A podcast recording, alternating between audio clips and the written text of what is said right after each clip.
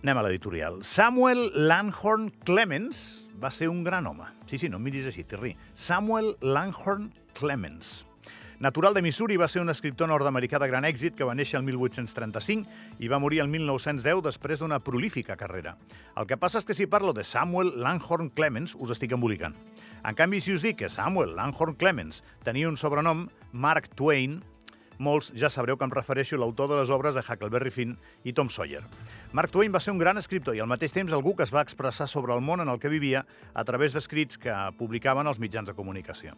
En un d'aquests articles, Twain va escriure una de les seves frases més cèlebres. Al món tenim tres tipus de mentides. Les mentides, les maleïdes mentides i les estadístiques.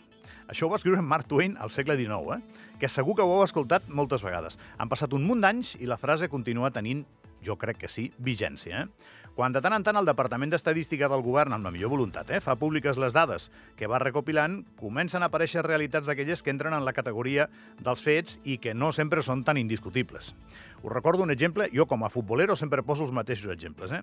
Quan Maradona va marcar aquell gol increïble contra Anglaterra al Mundial de Mèxic, el negro Enrique es va atribuir el mèrit d'haver participat en la jugada.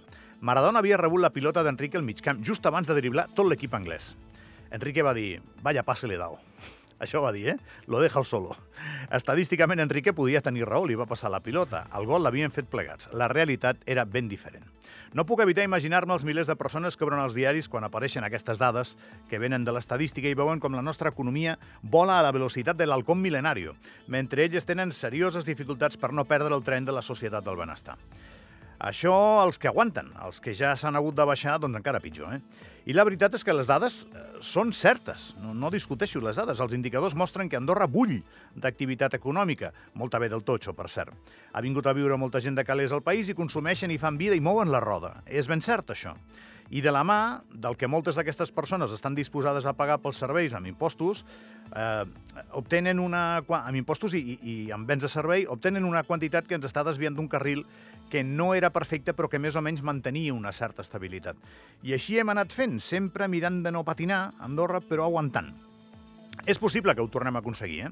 De fet, a Andorra som d'anar fent en contra de tots els pronòstics i, a més, fora d'aquí, els països de l'entorn tampoc és que ens puguin donar moltes lliçons.